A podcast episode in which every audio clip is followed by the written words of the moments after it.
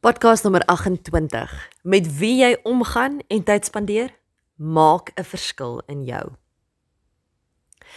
O, oh, ek wens ek het soms die advies van die ouer garde meer ernstig opgeneem toe ek jonk was. Weet my ma het altyd gesê jy sal aan jou vriende geken word of jy sal word soos die top 5% van die mense met wie jy tyd spandeer. My pa het altyd gesê jy kan nie altyd die slimste, sterkste en invloedrykste in jou vriendegroep wees nie raak deel van 'n groep mense wat jou inspireer om groter te dink, meer te wil ervaar en doen en jouself 'n beter mens te maak. Hmm.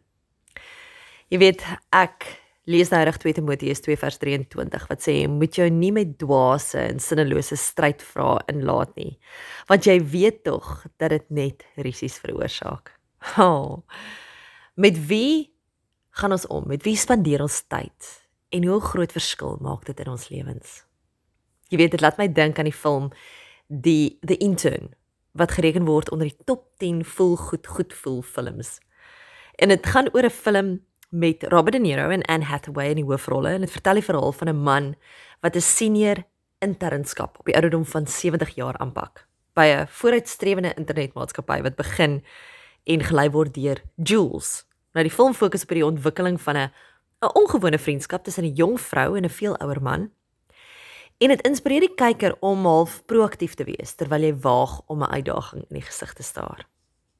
Nou, Anne Hathaway, sy speel hierdie lewendige karakter. Sy is hierdie hierdie kragtige vrou wat hoogs suksesvol is te danke aan haar passie en haar presisie en haar wilskrag. En dan Robert Nero inspireer elke minuut van die film as hierdie 70-jarige man omdat hy ten spyte van 'n gevorderde ouderdom vir geen uitdaging terugduins nie en gretig is om te bly leer. Sjoe. Dit het my so inspireer en ek bly vra wie die tyd met wie jy spandeer en met die mense met wie jy omgaan, hoe invloed het dit op ons? Weet Winston Churchill het gesê ons kan kla omdat roosbome dorings het of ons kan verheug wees dat doringbosse rose dra. Wie die positiewe houding wat jy volhou terwyl jy nuwe dinge aanpak, is uiters belangrik. Geen uitdaging gaan sonder 'n paar dorings kom nie, maar geen uitdaging sal ook sonder die mooi rose wees nie. Niemand kan die houding vir jou bepaal of of handhaf nie. Omstandighede en mense kan dit beïnvloed, maar jy bepaal die uiteinde van jou gemoed. Ek wil weer vir jou 2 Timoteus 2:23 gee. Dit sê jy moet jou nie met dwaase en sinnelose stryd vra en laat nie, want jy weet tog dat dit net risies veroorsaak. Vers 24 vat dit verder. Hy sê 'n dienaar van die Here moenie risie maak nie. Inteendeel, jy moet vriendelik wees teenoor almal, bekwam om ander te leer en iemand wat onreg kan dra. Vers 25 sê met vriendelikheid moet hy teenstanders regwys. Wat is my boodskap vandag?